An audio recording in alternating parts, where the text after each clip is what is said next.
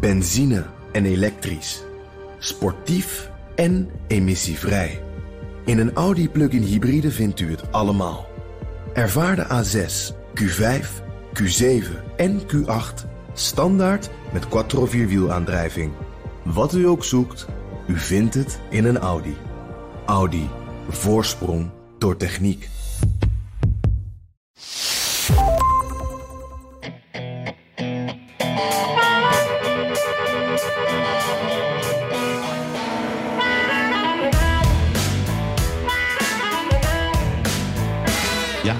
Midterms zijn echt achter de rug.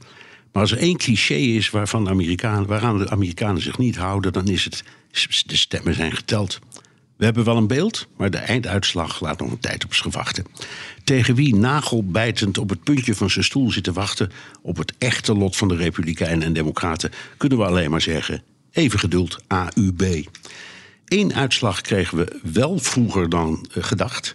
In Pennsylvania, Josh Fetterman versloeg met verrassende meerderheid TV-dokter Oz. I never expected that we were going to turn these red counties blue, but we did what we needed to do, and we had that conversation across every one of those counties. And tonight, that's why I'll be the next U.S. Senator from Pennsylvania. Dit is aflevering 153 van de Amerika-podcast. Natuurlijk in het teken van de verkiezingen van 8 november.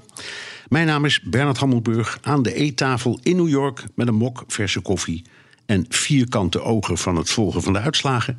Maar gezellig is het hier wel, want ik ben in goed gezelschap. Ja, en ik ook. Ik ben Jan Posma aan diezelfde New Yorkse eettafel. Ook met een mok koffie, gelukkig. Want uh, ja, vierkante, maar ook echt kleine oogjes. Het is hier heel gezellig. Maar ook, uh, het waren wat inspannende nachtelijke uurtjes. Vanaf de sluiting van de stemlokalen dinsdagavond zitten wij aan de tv, aan de laptop gekluisterd... om die binnendruppelende laatste uitslagen te volgen. en ja, Bernard, over volgen gesproken. Uh, we doen ook iets bijzonders deze keer. Uh, ik zeg welkom uh, aan onze luisteraars via Twitter. Elon Musk, al die anderen. De Amerika-podcast is te beluisteren via Twitter Spaces. En technisch is dat nou, nog een heel gedoe, omdat wij ook op afstand zitten.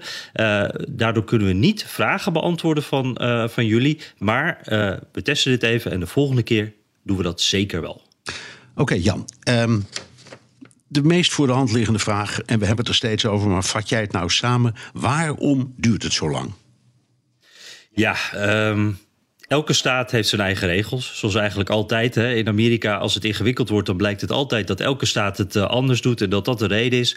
Uh, een hele belangrijke uh, ja, graadmeter is wanneer je met het tellen van vroege stemmen mag beginnen. Die stemmen die via de post binnenkomen. Want ja, veel mensen konden al weken van tevoren stemmen. Dat, dat hadden ook 40 miljoen Amerikanen hadden dat al gedaan.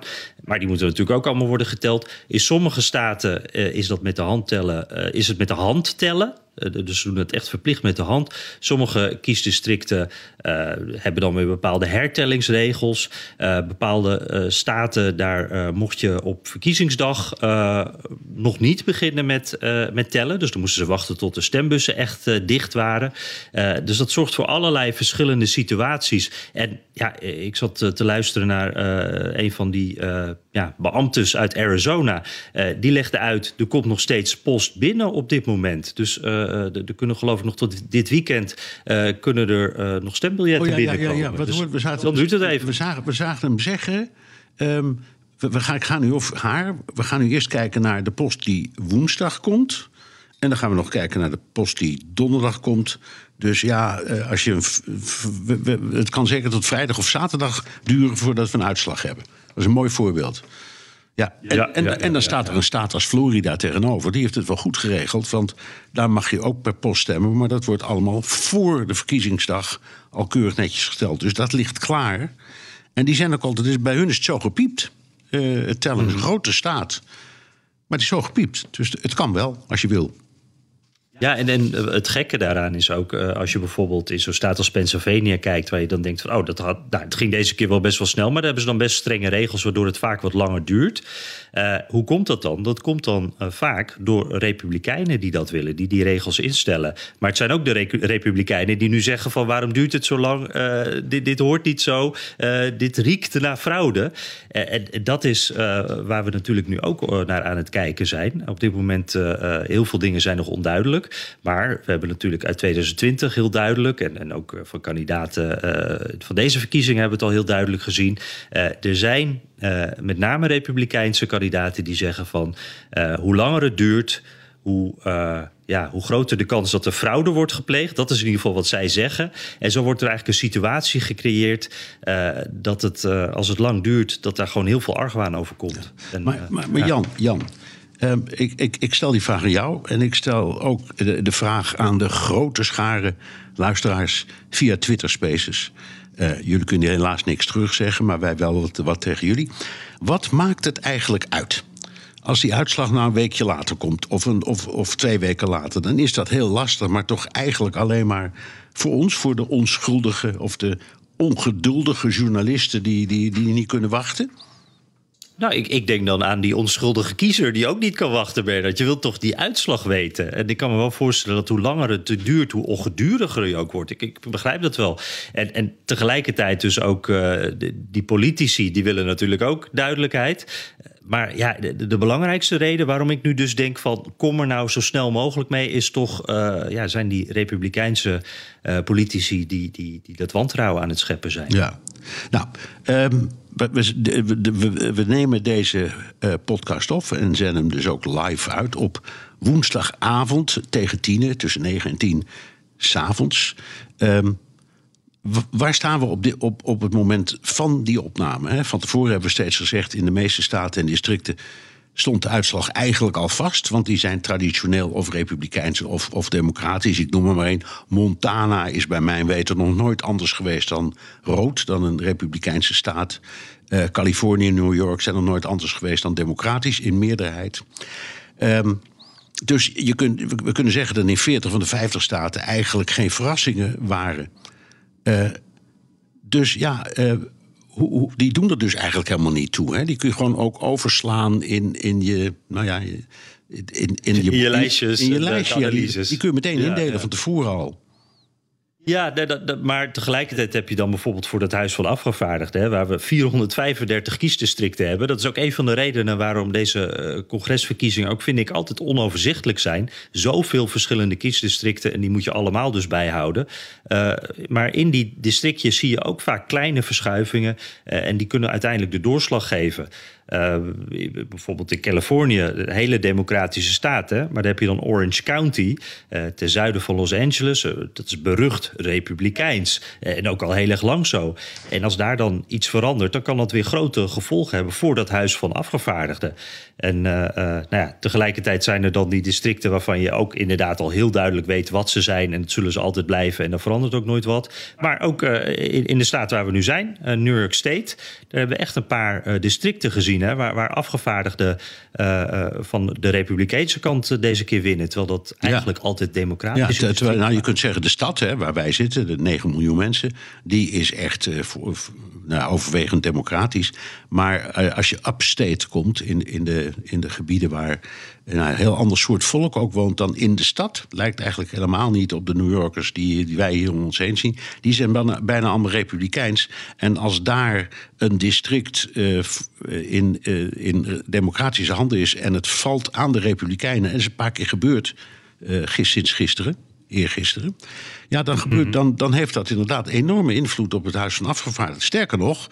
Um, Joe Biden heeft een van zijn laatste campagne-speeches gehouden in New York. En ik vroeg me toen af, uh, waarom zou hij nou naar New York komen? Want dat wordt toch democratisch. En toen zei jij meteen, Jan, ja, maar het, gaat, het kan best dat er nog twee uh, vertegenwoordigers even moeten worden overgehaald. En het blijkt ook te kloppen, want het, dat is nek aan nek gegaan in die districten buiten de stad New York. Ja, ja, ook door dat gerrymanderen, die kiesdistricten die dan van vorm veranderen, waardoor er dan ineens iets wat altijd eh, democratisch was, dan toch uh, republikeins kan worden. Heel interessant uh, om te zien. En ja, we, we, moeten misschien toch maar eventjes een beetje het net ophalen. Ook al is dit misschien wel weer veranderd op, de moment, op het moment dat je deze podcast terugluistert. maar op dit moment zitten we dus in de situatie dat we denken, nou, die, die Senaat, daar kunnen we nog niet zoveel over zeggen. Maar de meerderheid in het Huis van Afgevaardigden, dat is wel wel vrij duidelijk dat dat waarschijnlijk, we zeggen het nog voorzichtig, uh, republikeins wordt.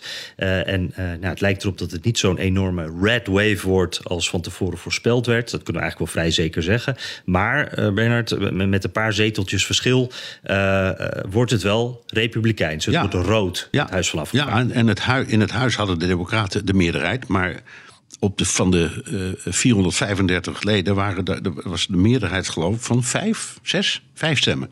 Ja, vijf. Ja. ja. Nou, en het ziet er nu naar uit dat het omdraait. Dat de, de, de Republikeinen de meerderheid krijgen met vijf of zes of zeven stemmen. Uh, zetels dus. Uh, en dan denk je, nou, dat betekent niet zo heel veel. Maar het betekent wel heel veel. Want dan is, ja, dan is toch dat, dat huis is republikeins. Kevin McCarthy, die dan de nieuwe speaker wordt. Hè, dus als opvolger van uh, Nancy Pelosi, die dat nu is. Um, die uh, is, als je naar de grondwet kijkt, een hele belangrijke man dan. Want die is de tweede opvolger van de president. Als de president iets overkomt en de vicepresident ook, dan wordt Kevin McCarthy de president van de Verenigde Staten. Dus het is niet zomaar een baantje en het is ook niet zomaar een omslag. Het betekent echt wel wat. Ja, precies. En, ook uh, sowieso wat daar allemaal kan gaan gebeuren. Want nu had, uh, eigenlijk tot januari heeft Biden nog de steun van het Huis van Afgevaardigden. Maar dat is dan vanaf januari is dat weg. En uh, ja, dan krijg je de situatie dat Republikeinen dus heel makkelijk alles kunnen tegenhouden wat Biden probeert door dat congres te krijgen. Obstructie. en ja, wat we natuurlijk ook gaan zien, het is allemaal al aangekondigd, allerlei onderzoeken hè, naar de Biden-regering, naar Hunter Biden waarschijnlijk, naar Joe Biden, ministers. Uh, allerlei onderwerpen. Ik geloof dat we ook uh, de ontstaansgeschiedenis van de 6 januari-commissie gaan onderzoeken. Uh, dus ja, dat gaat ook iets worden waar dan een deel van het beide Witte Huis ja, fulltime mee bezig gaat zijn. Ja. Om al die onderzoeken, om daaraan mee te werken en ja, om daarmee aan de slag te gaan. Ja. Dus het wordt een, op dat punt, het is een, een, een morele opsteker voor Biden en de Democraten. Hè, dat het maar een kleine nederlaag is. Maar het feit dat het een Republikeinse meerderheid wordt, dat heeft wel echt, echt pijnlijke gevolgen. Ja. Uh, hey Jan, we hebben de vraag al een paar keer gesteld, zo links en rechts. Niet, iedereen is het met elkaar eens. Maar komen er ook impeachments tegen, tegen Biden? Ja, daar, ik, daar, moeten we inderdaad even op terugkomen. Want we hadden het uh, bij jou in het programma De Wereld hadden we het daarover. En toen zei Koen Petersen, die zei van Amerika-deskundige ook, die zei van, uh, nou, ik geloof het niet. Ik zei toen van, nou, ik denk het wel. En, uh, maar ik dacht toen ook later van, we hadden ook wat een verschil van definitie daarin. Want ik heb het idee dat Republikeinen, ik zie het echt wel gebeuren dat ze een impeachment starten. En dan is het al een impeachment. Hè?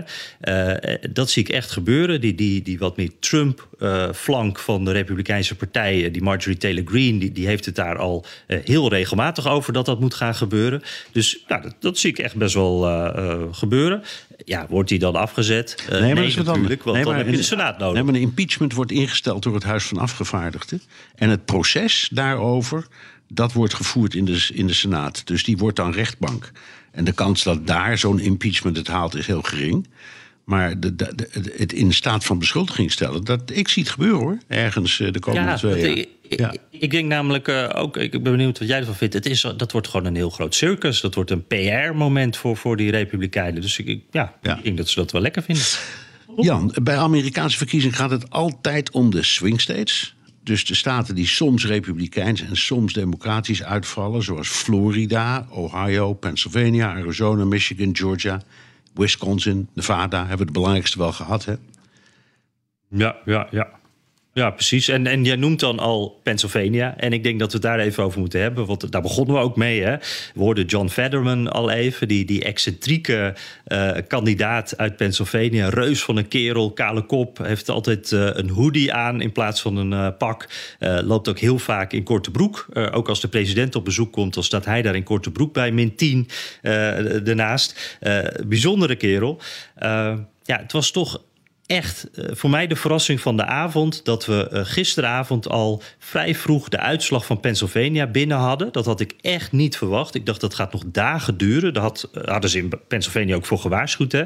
En dat dat dus een slag bleek te zijn voor de Democraten. Dat John Fetterman daar gewonnen heeft van die Mehmet Oz. beide partijen hebben er zo gigantisch op ingezet ik denk dat dat echt een, een mokerslag gisteravond was voor de Republikeinen. En, en, ook een democratische gouverneur gekozen. Ja, precies. Ja, ja, ja, ook. Ja. Dat was een double whammy, zo gezegd. En waarom is nou bijzonder dat Pennsylvania, waarom wij dat zo opmerkelijk vinden? Omdat Pennsylvania een van die staten is waar je de, brieven, de briefstembiljetten pas mag ik openen of gaan tellen als de gewone stemmen zijn geteld. Uh, maar dat hebben ze klaar, klaarblijkelijk met de snelheid van het geluid gedaan. Het kan ook zijn dat het er niet zoveel waren hoor, dat weet ik gewoon niet. Maar we wisten niet wat ons overkwam. Dat, ik geloof al voor middernacht, of net na ja, middernacht, ja. onze tijd, Pennsylvania. En daar zagen we dan die Fetterman heel trots met zijn hoodie op het spreekgestoel te stappen. Dat was wel een apart moment. Ja, zeker. En, en ik denk ook, uh, wij waren verbaasd. Ik heb het gevoel dat die Republikeinen dat ook waren. Want uh, er was al aangekondigd dat die Kevin McCarthy... dat die zijn persconferentie zou houden. Uh, dus daar zaten wij ook op te wachten. Maar daarna duurde dat nog heel erg lang. Hè? En ik had het gevoel dat die Republikeinen toch achter de schermen... even de teleurstelling moesten verwerken... en even moesten kijken welke spin ze hieraan zouden geven. Ook al hebben ze eigenlijk een goede avond gehad. Het was gewoon lang niet zo goed als ze hadden gehoopt. Uh, er werd echt al over een red tsunami gesproken. Het werd niet eens een red wave. Het werd een red nou ja, golfje, werd het een beetje. Ja. Waar zit hem dat in, denk je, bij Bernard? Dat dat toch... Um, ja, wat heeft er nou voor gezorgd dat die Republikeinen minder gescoord nou, hebben dan ik, we allemaal dachten? Het is een beeld dat we eigenlijk wat breder moeten trekken, voor zover we nu al kunnen bekijken. De grote angst van heel veel Democraten was dat de ontkenners, zoals ze worden genoemd, dus de groep politici die ontkent dat Biden president tot president is gekozen, die dus zeggen dat Trump dat zou moeten zijn. Um, er waren heel wat van dit soort mensen kandidaat in een aantal staten. En je ziet dat over, eigenlijk overal, bijna overal, de bevolking zich daarvan heeft afgekeerd. En ik heb de indruk dat wat er in Pennsylvania is gebeurd met die Dr. Oz, hele beroemde televisiedokter, die uh, ja, later bleek een uh, pure oplichter te zijn en een kwakzalver die allerlei dubieuze medicijnen aanprijst in zijn televisieshow. Dus een man met een echt een hele dubieuze man die volgens dat roepen de Democraten ook steeds. Hij woont niet eens in Pennsylvania, maar in, maar in New Jersey, de buurstaat.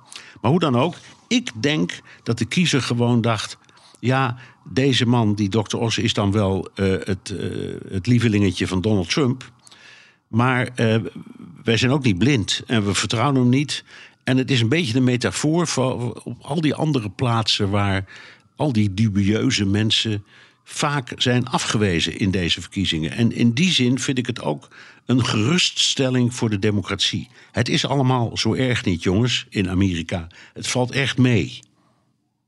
Ja, ja, op dat punt inderdaad, want we hebben geen grote incidenten gehad. Van tevoren was er echt wel grote spanning over wat er zou gebeuren.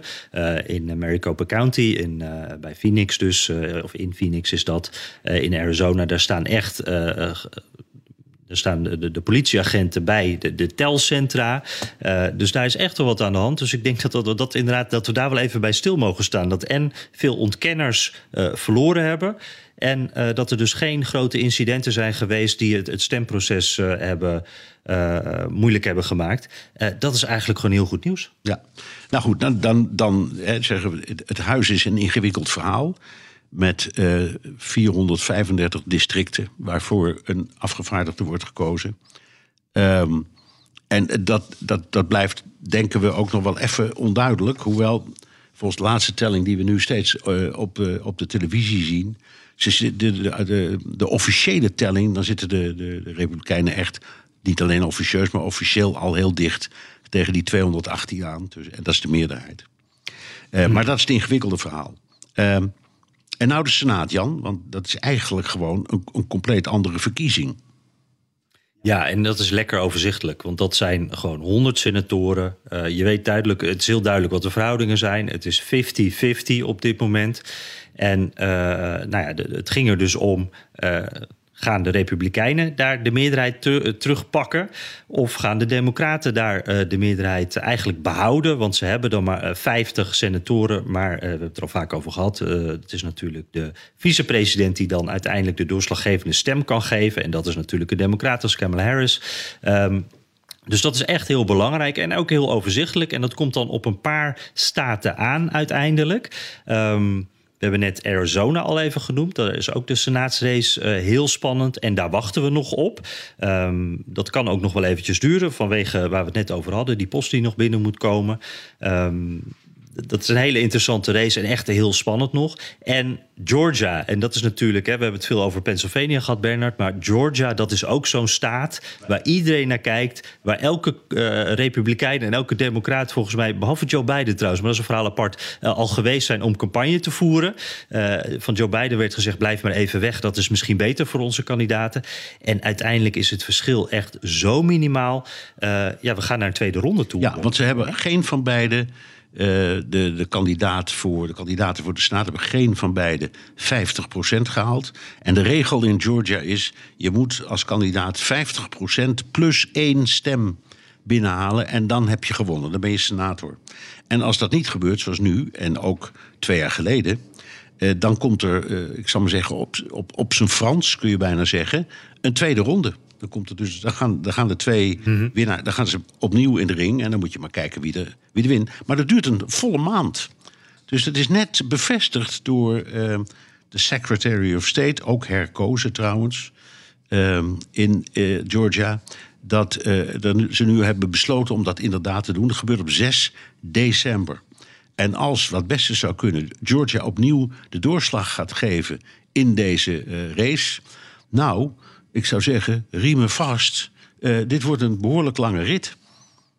Ja, ja, precies. Een lange rit en ook een intense rit. En ik moet ook zeggen, ik heb, ik heb medelijden met de inwoners van Georgia. Want die hebben dus net, uh, uh, dat is nog geen twee jaar geleden, hebben ze al speciale verkiezingen daar gehad. Met ook zo'n zo'n zo'n run-off erbij, zo'n tweede ronde. Die mensen worden al zo lang helemaal kapot gegooid met uh, tv-spotjes en, en mensen die aan de deuren komen en robocalls en al die andere dingen. Die dachten nu, nou hopelijk met verkiezingsdag dan zijn we er vanaf. En uh, nou, het eerste bericht was alweer dat een paar republikeinse uh, politici, die gaan alweer campagne voeren daar. Die zijn daar morgen al. Dus die mensen krijgen geen enkele adempauze en die moeten het meteen weer door naar de volgende verkiezingen. Weer, Bernard. Dan word je toch helemaal gestoord van als je daar woont. Ja, ja, nou ja, het is een raar land wat dat betreft, want dit gaat dan om de Senaat. Uh, en een senator zit zes jaar, maar een Kamerlid, zouden wij zeggen, iemand lid van het Huis van Afgevaardigden, heeft een termijn van twee jaar. Dus elke twee jaar zijn er verkiezingen.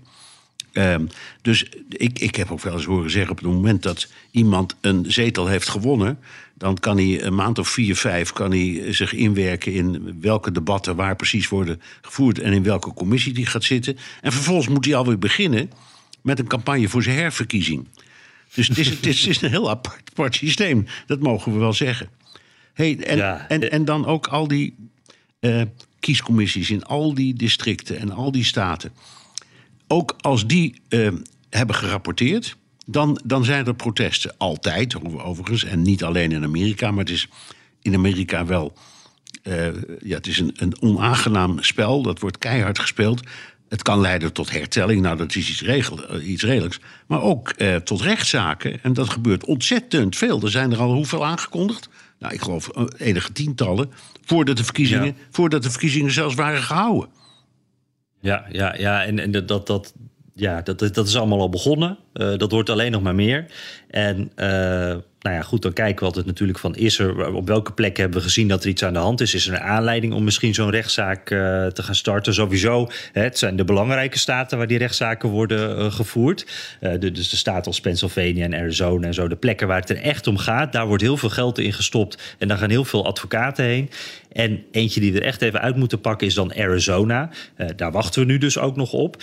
En dat is een staat waar op verkiezingsdag iets verkeerd is gegaan. Er waren een aantal, een tientallen uh, stemcomputers uh, die, die waren kapot. Die deden het eventjes niet. Ja, nee, de, niet alle de, stemmen. Ja, de, print, de printers stonden te licht afgesteld.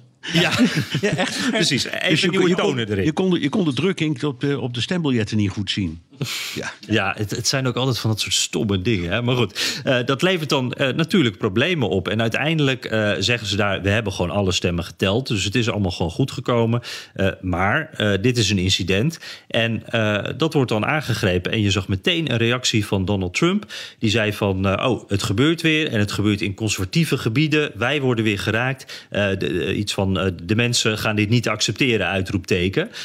voor die andere dingen, of achter die andere dingen stond nog een vraagteken trouwens. Dus hij had zich weer goed ingedekt. En we weten ook hè, dat die gouverneurskandidaat Carrie Lake, dat is de mevrouw die daar nu op achterstand staat, een echte Trumpist. Dat is ook iemand die uh, echt een uh, ja, verkiezingsontkenner is. En die ook al uh, een beetje vaag is gebleven of ze deze verkiezingen zou erkennen als ze zou verliezen. En die is ook al bezig met allerlei verhalen de wereld in te brengen dat er echt een complot is. En nou, voor de twee andere belangrijke posities in de staat, dat zijn ook uh, uitslagontkenners. Dus ja, dan heb je echt wel een soort, uh, een beetje een chemische mix die tot zomaar tot een soort ontploffing kan leiden. Arizona wordt heel spannend op dat punt, denk ik. Hey Jan, ik heb een hele andere vraag. Uh, daar hebben we de afgelopen, ik weet het niet meer, dagen, nachten, zoveel uren samen zitten werken. Ook over na zitten denken. Donald Trump heeft aangekondigd dat hij op de 15e een hele belangrijke mededeling gaat doen. En wij dachten natuurlijk allemaal, nou dan gaat hij zijn kandidatuur voor het presidentschap afkondigen. Maar ja, uh, hij kan ook tellen en. en uh, het, het, en het verhaal, tellen vooral, en, toch? En het, en het verhaal gaat, het verhaal van CNN was dat dat hij in een soort razernij is uitgebarsten toen hij deze uitslagen zag. Wat, wat denk je, wat, wat, wat zou hij op de 15e gaan doen? Of doet hij, kan ook natuurlijk, gewoon niks? Ja, nou, ik denk daarvan dus, dat kan eigenlijk niet. Je kan niet zeggen nu van, ik ga het niet meer doen. Hij heeft het zo groot aangekondigd. Ik bedoel, hij kan niet meer zeggen, we gaan niks meer op, uh, op de 15e doen. Hij heeft het zo groot aangekondigd. Um, het is ook allemaal expres gelekt. Hij heeft er daarna nog heerlijk naar geteased in allerlei uh, toespraken. Het was echt heel duidelijk, er gaat iets gebeuren. Uh, maar er zou bijvoorbeeld gisteravond ook een soort overwinningsfeestje zijn op Mar-a-Lago... waar Trump zou speechen. Dat werd allemaal heel erg ingetogen. Uh, hij had heel echt op wat anders gerekend. Hij had echt gedacht, uh, ik kan deze midterms gebruiken als een soort springplank... voor mijn eigen campagne. iedereen is euforisch, dan kom ik daar nog even overheen. Ik heb hier de dag gered hier met deze verkiezingen. Mijn kandidaten hebben gewonnen. En dan ben ik gelijk de, de sterke kandidaat uit de startblokken. En andere kandidaten, die komen er dan niet meer aan te pas. Uh, maar, uh, nou is er die ene andere kandidaat... waar wij het al zo vaak over gehad hebben. Ron DeSantis, die gouverneur van Florida. En die heeft het gewoon waanzinnig goed gedaan hè, in Florida. Die heeft met zo'n grote overmacht gewonnen... dat dat eigenlijk nu, denk ik, de kandidaat is... die het beste uit de startblokken komt. Ja, je ja en je ziet ook allemaal... Uh, opmerkingen van de Republikeinen dat uh, dit waarschijnlijk de nieuwe partijleider wordt. Dus het is niet zomaar ja. wat. Uh, en, en, we zagen dat ook hè, op Fox News ja. en de New York Post, wat een echte Trump-krant was altijd. Die hadden, uh, wat was ook weer, Run the Future met de foto van hem, dus de rol van de toekomst. Deze man moet het gaan doen, wordt nu gezegd. Dus er wordt een beetje aan die stoelpoten van, van Trump gezaagd. Ja, nou, dus we zijn extra nieuwsgierig naar wat uh, Donald Trump op de 15e gaat zeggen. Welke hele belangrijke mededeling daar komt. Ja, denk jij dat, dat hij er nog onderuit kwam? Want ik denk eigenlijk dat kan je niet meer maken op dit punt. Maar wat denk jij? Um, ik, ik, hij, kan, hij kan alles maken. Want bij zijn eigen achterban doet hij toch niet fout. Uh, dus dat maakt niet uit. Uh, en die blijft stabiel. Uh, ik zou het onverstandig en hij vinden. heeft er wel weer een verhaal bij ook, denk ja, ik. Hij kan het toch wel weer zo spinnen dat het ja, toch wel weer... Ja, en, en bovendien, hij kan komen met zijn evergreen. Jongens, uh, iedereen roept dit nu allemaal wel, maar er lopen nog zoveel zaken en zoveel hertellingen. Wacht dan maar eens rustig af, want eigenlijk hebben wij veel meer zetels gewonnen dan nu blijkt. Dat zou bijvoorbeeld een van zijn uh, thema's kunnen worden. Daar is hij heel goed in. Ja, ja, en dat is ook nog wel even goed om mee af te sluiten. Misschien dat uh, er is gewoon nog heel veel onduidelijk. In theorie kunnen, nou in de praktijk ook, kunnen beide uh, kamers die kunnen nog naar de Republikeinen gaan. Dus we, we, kunnen nog best over een paar dagen, een paar weken waarschijnlijk dan uh, er heel anders toch tegenaan kijken. Ja, Jan, we onderbreken de Amerika-podcast even voor een heel belangrijke mededeling. Benzine en elektrisch. Sportief en emissievrij. In een Audi plug-in hybride vindt u het allemaal. Ervaar de A6, Q5, Q7 en Q8 standaard met quattro vierwielaandrijving. Wat u ook zoekt, u vindt het in een Audi. Audi. Voorsprong door techniek. Jan, zullen we naar de luisteraarsvragen gaan? Uh, die zijn welkom via de mail of via de Amerika Podcast WhatsApp. Daar kun je je vraag of opmerking ook inspreken. Het nummer is 06 2813 5020. Ja, en zoals altijd eh, de huishoudelijke mededeling. Hou die voiceberichtjes graag een beetje eh, binnen de perken, binnen ongeveer 30 seconden. Dan hoeven wij er niet in te knippen. En ook de berichtjes via WhatsApp, eh, WhatsApp en via de mail. Een beetje beknopt, dan kunnen ze lekker zo mee. En nou, dan gaan ze helemaal mee zoals jij de vraag gesteld hebt. En dat is toch het, het leukste altijd. En de leukste, beste of interessantste vraag over de midterms belonen we met een speciale Amerika podcast Midterms 2022 koffiebeker. Een hele mond vol. Hij ligt heerlijk in de hand. Ik heb hem hier voor me. Uh, hij is heel vrij, dus die wil je absoluut winnen... om deze historische midterms ook uh, nog eventjes uh, bij je te kunnen dragen. Um, leuke vragen over andere onderwerpen maken vanaf komende week weer kans op de inmiddels ook beroemde Amerika-podcast Koffie Mok. Goed, um, genoeg mededelingen. Bernard, laten we beginnen met een audiovraag van een vaste luisteraar. Dat is Jair IJzerman uit Jeruzalem. Goedemiddag, Jair IJzerman weer hier. Um, ik had een vraag. Uh, Josh Shapiro is tot governor gekozen in Pennsylvania, als ik me niet vergis. En die wordt gezien als een mogelijke democratische kandidaat. Wat weten jullie van hem en wat vinden jullie van hem? Uh, laat ik met dat laatste beginnen. Hij heeft op ons behoorlijk wat indruk gemaakt. En ook op de kiezer. Eh, want hij is met een comfortabele meerderheid eh, gekozen. Ehm, het probleem, uh, ja, hier en iedereen die naar dit soort dingen denkt, is het volgende. Geldt eigenlijk ook voor de Centis. die mensen zijn gekozen of herkozen als gouverneur. en dat is voor een termijn van vier jaar. En zeker voor zo iemand als Shapiro, die, voor, voor wie die rol eigenlijk nieuw is. Zelfs als hij een hele goede presidentskandidaat zou zijn, dan moet hij worstelen met het idee: ja, maar kan ik na die campagne en de belofte die ik heb gedaan en de ambtseed die ik af, heb afgelegd, kan ik daar na twee jaar weer mee stoppen? Dat lijkt mij eerlijk gezegd het grootste probleem. Uh, en, want dat heeft ook te maken met je geloofwaardigheid. Dus als, als die, als die zeg, presidentieel materiaal is, het zou het heel goed kunnen hoor, ben ik het mee eens. Eh, dan zou ik, als ik hem moest adviseren, zou, ik zeggen: doe dat na je eerste termijn als gouverneur. Dan heb je bovendien de papieren, want ex-gouverneurs scoren vaak goed bij presidentsverkiezingen. En iemand die halverwege wegloopt omdat hij een mooie baantje kan krijgen, dat is niet zo handig. Nee, nee, dat blijft aan je kleven. Ik was um, vorige week hè, in Philadelphia bij die bijeenkomst, uh, die, die campagne-rally waar Obama en Biden en ook John Fetterman waren. Uh, en daar was ook Josh Shapiro en die hield daar ook een speech. En um, ik moet zeggen, die man komt dan op en hij ziet eruit als een beetje een accountant, een beetje saaie man.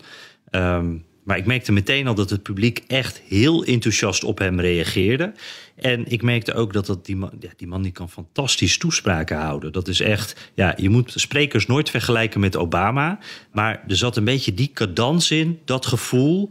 Uh, ook wel de, de, boodschap behoorlijk inhoudelijk, maar hij wist wel de mensen echt uh, aan het luisteren te houden.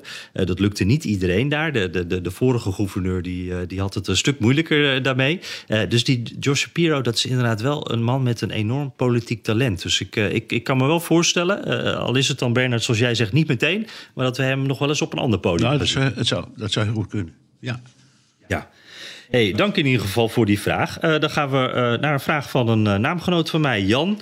vaste luisteraar sinds podcast 58. Dat is al een, een, een heel aantal podcasts terug. Een veteraan. Precies, ja. een andere wereld was het toen nog. En wat waren we zoveel jonger toen. Ja. Wanneer mensen verhuizen binnen de VS, houden ze, dan rekening met, houden ze er dan rekening mee of een staat republikeins of democratisch is? En zo ja, houdt dit het mechanisme wat te zien is tijdens verkiezingen, dat van tevoren vaststaat welke partij de grootste wordt, ook in stand? Ik vind het een hartstikke leuke vraag, omdat ik mensen ken die voor deze vraag gesteld zijn geweest. En ik noem uh, twee voorbeelden. Ik, ik, ik had uh, vrienden in Maryland en die wilden wat dichter naar Washington. En die hebben echt gezocht naar een plaats die ja, voor hun gevoel eh, fatsoenlijk eh, democratisch was. Laat ik het zo maar zeggen. En dat was dus een voorwaarde om te verhu- eh, verhuizen. Maar ik heb ook het, het omgekeerde meegemaakt. Ik heb vrienden in eh, New York. En die hebben een, eh, vind ik, veel te duur en ingewikkeld, maar goed, moeten ze zelf weten, buitenhuis gekocht aan een meer in Pennsylvania. En dat, dat, nou ja, dat- is het is beeldschoon, maar waar ze niet, geen rekening mee hebben gehouden, was dat ze terechtkwamen tussen een zee van rode vlaggetjes en MAGA-petjes. en daar, ja, daar zit je dan voor je investering van weet ik veel hoeveel ton, hè, voor, je, voor je buitenhuis. En ze vinden het verschrikkelijk en ze hebben dus ook helemaal geen contact met de buren. Want die, dat, dat vinden ze allemaal engers. Dus ja, het is bij verhuizen is het wel een punt.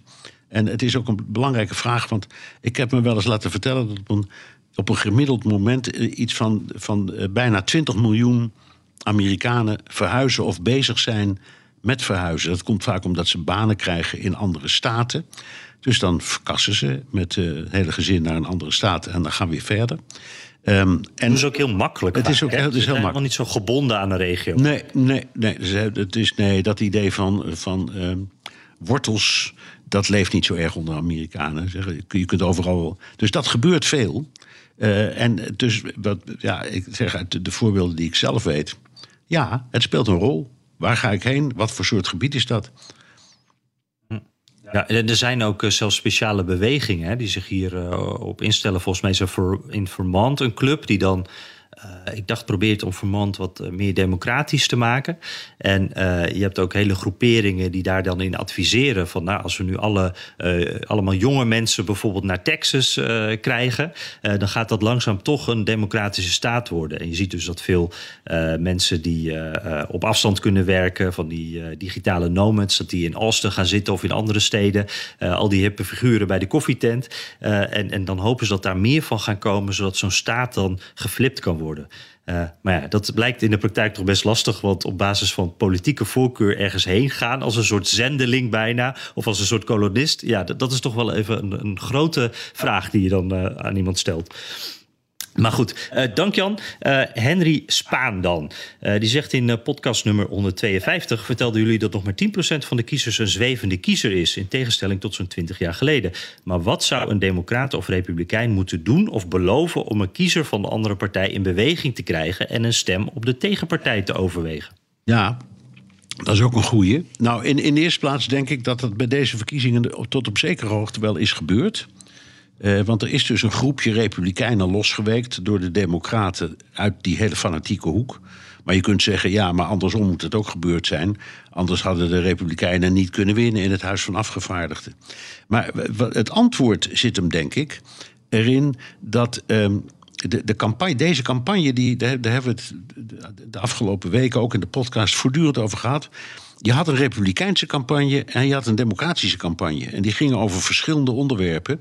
En die spraken steeds maar hun eigen achterban toe over diezelfde onderwerpen. En je hoort bijna nooit iemand zeggen. Laten we eh, bijvoorbeeld een voorbeeld nemen. Eh, de Republikeinen hebben enorme kritiek op de, de inflatiebestrijding zoals Biden dat doet. Hè, en het Democratische Congres.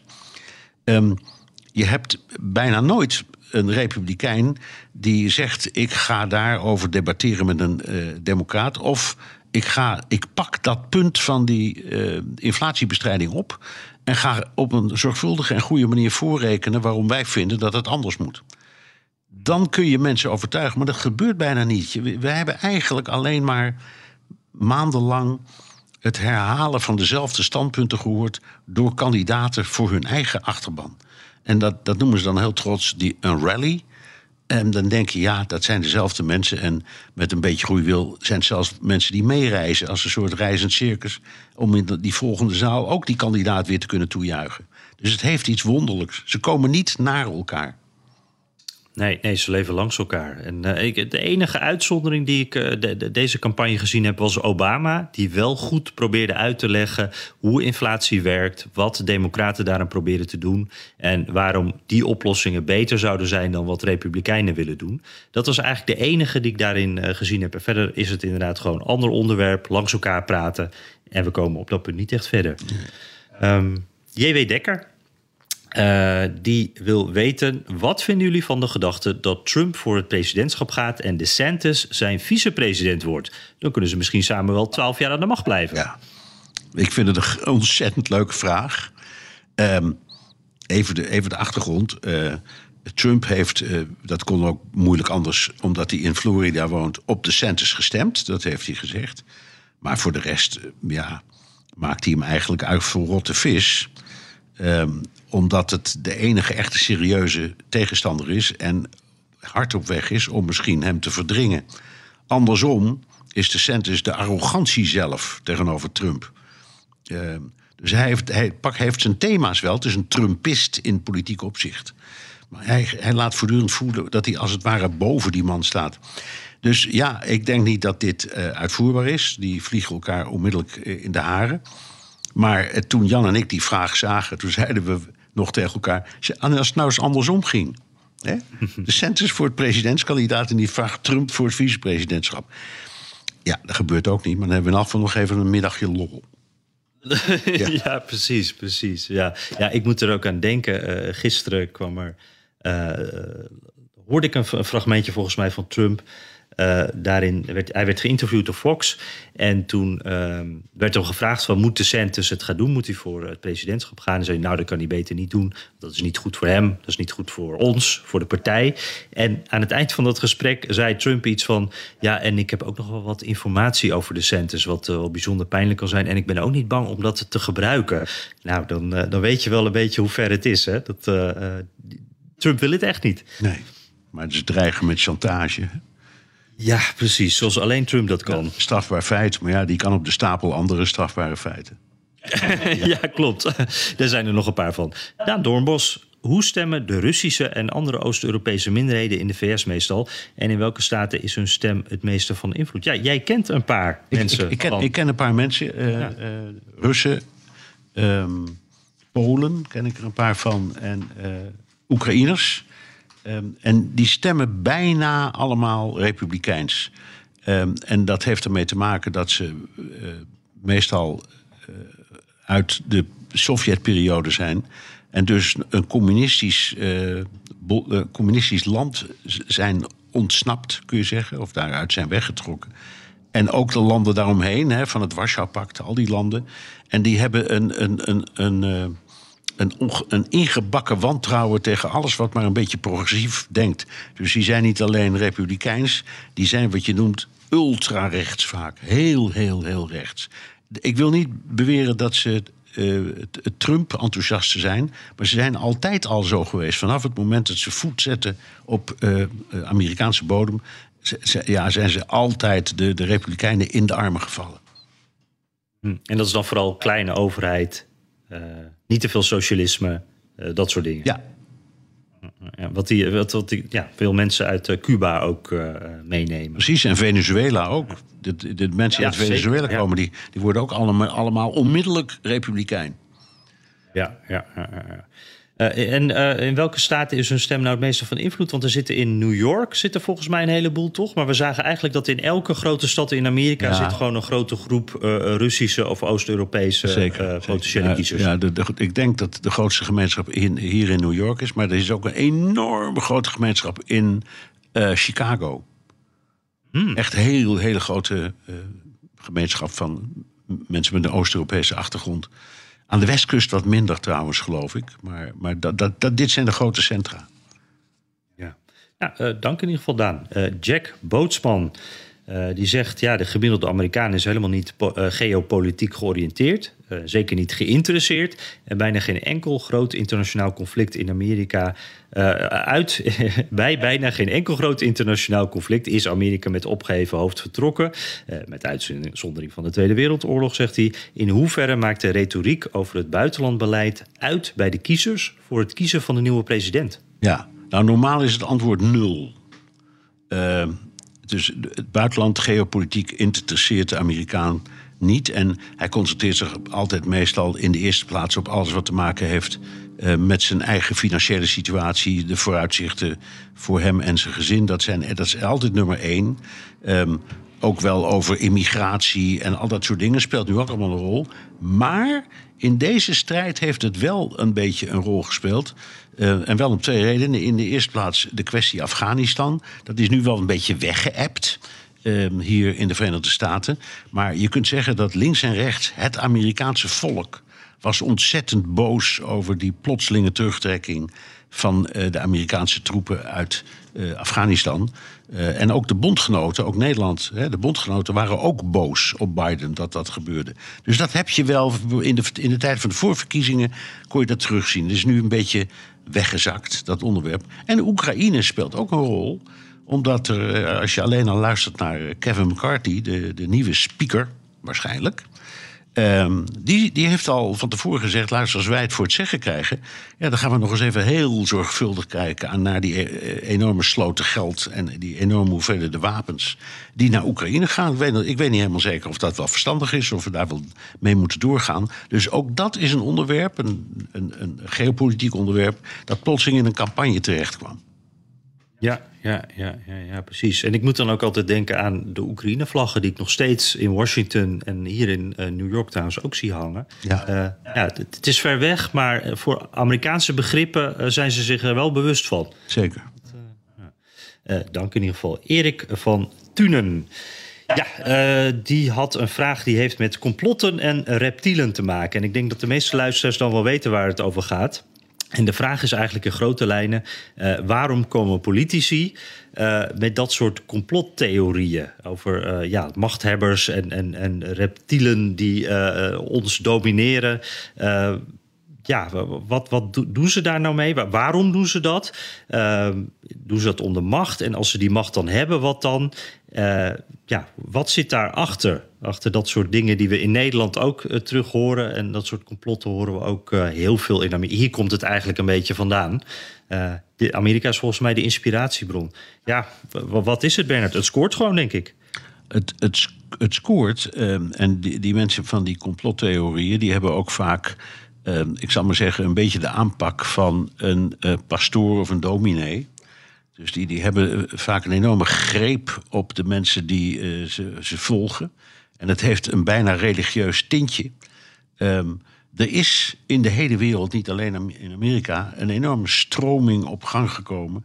die ervan uitgaat dat alles wat de zogenaamde mainstream media rapporteren, daar behoren wij heel nadrukkelijk ook bij, dat dat allemaal is verzonnen, niet waar.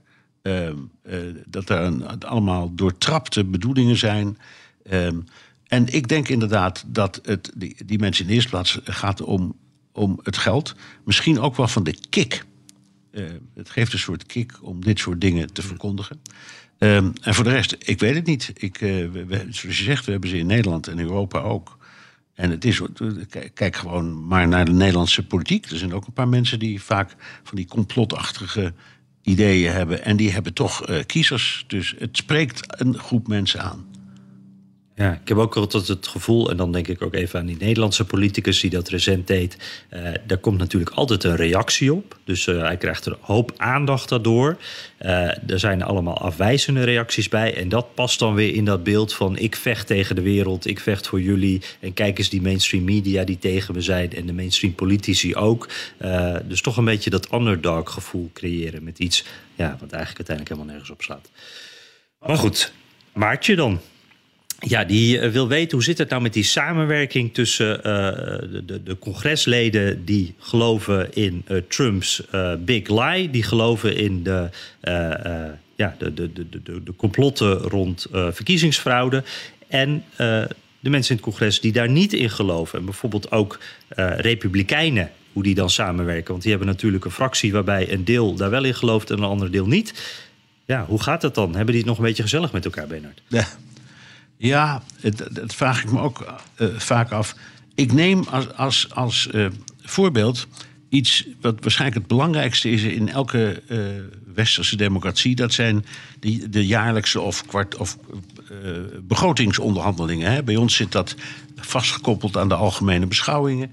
En in Amerika heb je ook van dat soort momenten. En dan zie je heel opmerkelijk dat vaak er een soort creativiteit ontstaat Waardoor eh, mensen uit de republikeinse en democratische achtergrond die normaal. ehm, eh, die normaal ehm, eh, eigenlijk elkaar de tent uitkijken, dan zeggen: ja, maar de, de verantwoordelijkheid om dit voor elkaar te krijgen overstijgt alles. We moeten wel een begroting hebben, anders, in Amerika werkt het zo, gaat het land op slot. En dat lukt vaak wel.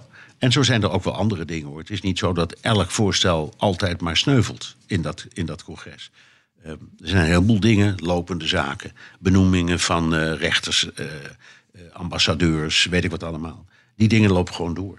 Dus het is niet, het is niet algemene haat over alles. Nee, maar je ziet wel dat er wat persoonlijke spanningen zijn daar in het congres. Met name tussen de wat extremere figuren en de mensen die er al wat langer zitten. Dat merk je wel bijvoorbeeld een paar van die congresleden die een paar jaar geleden nieuw in het congres kwamen en die dan hun pistool mee wilden nemen. Daar zag je dan andere partijgenoten op reageren van... nou, eh, nu gaan we een beetje te ver. Kom op jongens, laten we wel eventjes eh, ons werk blijven doen... en niet met dit soort eh, randverschijnselen ons bezighouden. Maar het, het, ja, ze moeten uiteindelijk samenwerken, daar komt het een beetje op neer. hè. Ehm, Remco de Groot. Nu er twijfels zijn of Oekraïne na de midterms nog wel op steun kan rekenen van het Amerikaanse parlement en Senaat, kan Biden als commander-in-chief militaire middelen aan Oekraïne afstaan zonder instemming van parlement of Senaat. Dat laatste kan. Hij kan uit de voorraden kan die dingen eh, toewijzen. Het, het, het eh, overmaken van geld kan niet zonder toestemming van het congres. Dus eh, dat is een van de dingen. De president heeft alle macht, maar één ding wat hij niet heeft, en dat is geld. Dus elke dollar die hij uitgeeft, daar moet hij toestemming voor hebben van het parlement. Ehm, en dat wordt dus een hele spannende, want eh, eh, ja, zo zeg, er, er, is een, er is een groep in, ehm, in, in de, in de, in, op het kapitool dat zegt eh, we moeten daar een beetje terughoudender mee worden. Maar in, je kunt ook zeggen dat in beide partijen nog steeds een stevige meerderheid is om Biden te steunen in, ehm, in de manier waarop hij Oekraïne behandelt. Ja, ja.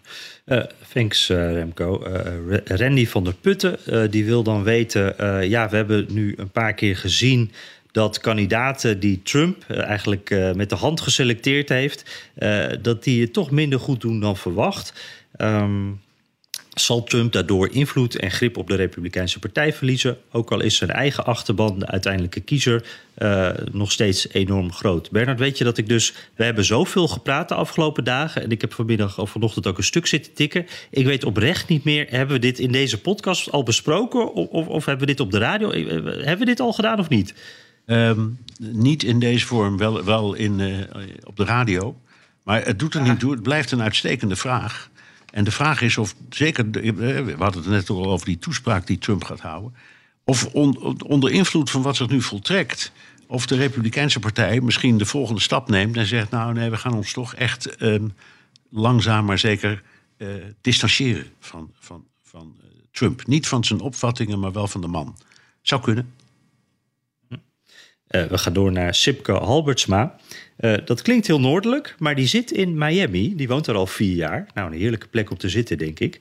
Eh, nu vraag ik mij eh, op een dag als vandaag, de midterms, af wat het effect van de Latino-vote op federaal niveau is. Gaat dit ook invloed hebben op de presidentsverkiezingen over twee jaar? Reken maar. Ehm, de Latino-vote is, is een interessante. 17% van de Amerikaanse bevolking is Latino. Dat is heel veel. Om een vergelijking te maken, 12% van de Amerikaanse bevolking is zwart. Dus er zijn veel meer Hispanics, zoals ze worden genoemd, dan zwarte Amerikanen. Eh, en die hebben een enorme invloed op eh, eh, het stemgedrag. En ze zijn verdeeld. Er zijn grote delen waar de, de Latino's redelijk rechtsrepublikeins zijn. En dat heeft te maken met de immigratiepolitiek. Ze vinden dat immigranten uit de landen waar ze zelf vandaan zijn gekomen... het veel te gemakkelijk wordt gemaakt. Terwijl zij enorme moeite hebben gedaan om het allemaal legaal te doen. Maar als je kijkt in de gelederen van de Democratische Partij... daar zitten ook enorm veel eh, Hispanics, Latino's. Hele belangrijke groep. En heeft wel degelijk invloed op de presidentsverkiezingen. Ja, ja, niet alleen over twee jaar, maar ook al over afgelopen verkiezingen. En die groep wordt alleen maar belangrijker. En echt interessant, dat is echt een verhaal van deze midterms ook... dat er veel conservatieve Latino's zijn die, die politiek actiever zijn... die uh, meer gaan stemmen. Uh, en uh, nou, dat heeft dan waar we het net over hadden in Miami ook. Hè. Daar heeft die Ron DeSantis heeft daar in de, in de, de suburbs ook flink gewonnen. En bij de Latino-bevolking daar als republikein. En daar zitten dan ook veel van die Cubanen tussen in Miami. Hè, ja. Waar we eerder over spraken. Jan, kijk even naar de klok, hè? Ja. Ja, ik, ik ben aan een eindsprint bezig. Hoor je het? We Ja, gaan ja. van Sipke naar Roeland Vermolen. Uh, die vraagt zich af waarom Kamala Harris op het politiek, waar zij is gebleven op het politiek toneel. Ik hoor al zo lang niets meer van haar. Was zij niet van waarde geweest bij de midterms? Ja, nou het antwoord is, ze heeft gewoon braaf campagne gevoerd. Uh, alleen, dat is een beetje het lot van Kamala Harris. Niemand besteedt er aandacht aan. Dus in, in de grote media zie je dat helemaal niet. We hebben toevallig, omdat wij hier met vierkante ogen continu naar die beelden zitten kijken, ook haar gezien en ook over haar horen praten. Uh, en ze heeft voor een aantal uh, uh, kandidaten ook campagne gevoerd, echt. Maar ja, ze blijft, ze blijft, ook al, al doet ze nog zo de best, een onzichtbare vrouw. Ja, ja. Um, zullen we met die onzichtbare vrouw dan ook maar afsluiten voor deze keer, Bernard? deze Amerika-podcast. Ja, uh, uh, maar we hebben nog een hele belangrijke taak te verrichten, Jan. Dat is, oh, dat, ja, natuurlijk. Ja, ja. Wie, zijn, wie zijn de winnaars van de midterms mok? Ja, wie zijn het? Uh, Jack Bootsman. Uh, die krijgt hem. Uh, Randy van der Putten krijgt er eentje. En ook Sipke Halbersma. Uh, die moet alleen nog wel eventjes haar adres sturen. Of zijn adres sturen, dat kan allebei. in Miami. We zijn heel benieuwd waar daar heerlijk aan de zee je zit. dan komt zo'n mok naar je toe. Ja, en het was een leuke vraag over de Latino-stemmen. En even, Jack Bootsman... Die had het over de invloed van geopolitiek op de verkiezingen. Ja, hey, dat, moet je, dat is echt een vraag voor mij, dus dank je. Ja, ja die, die, had hem ook al binnen. Ja, ik had hem al, die had hem al binnen toen ik het woord geopolitiek zag. En Randy van der Putten, uh, verliest Trump zijn greep op de Republikeinen? Dat vond ik ook een hele goede vraag. Dus we zijn blij met de vragen en gefeliciteerd met de mokken. Nou ja, dat was hem, hè Jan? Terugluisteren kan via de W naar site, Apple Podcast en Spotify. Heb je vragen, opmerkingen, kritiek of complimenten... dan kan dat ook met een tweet naar Jan Postma USA... of BNR De Wereld, of heel ouderwets met een mailtje... naar dewereld.bnr.nl. En je kunt ook je vraag inspreken of intikken op de Amerika Podcast WhatsApp... 0628 135020...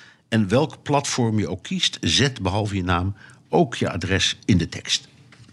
Ja, en uh, vertel ons ook hoe je uh, naar ons luistert en waar je naar ons luistert. Vinden we altijd leuk om te horen, namelijk. Uh, de komende dagen hoor je ons natuurlijk weer met het laatste nieuws op BNR. En voordat je het weet, zijn we er ook weer met een nieuwe editie van de Amerika-podcast. Ik ben benieuwd, Bernard. Gaan we dan een beetje uit de campagnemodus, een beetje uit de verkiezingsmodus? Ik heb het gevoel dat we er dan eigenlijk nog middenin zitten. Ik denk ook dat het nog even na hebt. Vooral ook denken aan, aan, aan, aan Georgia, waar we waarschijnlijk een maand moeten wachten op een uitslag. Ja, dat blijft boven de markt hangen. Dus, uh, ja, de never-ending campaign. Zo is dat. Zeker. Nou, voor nu uh, van achter de eettafel in New York. Dank voor het luisteren en uh, tot volgende week.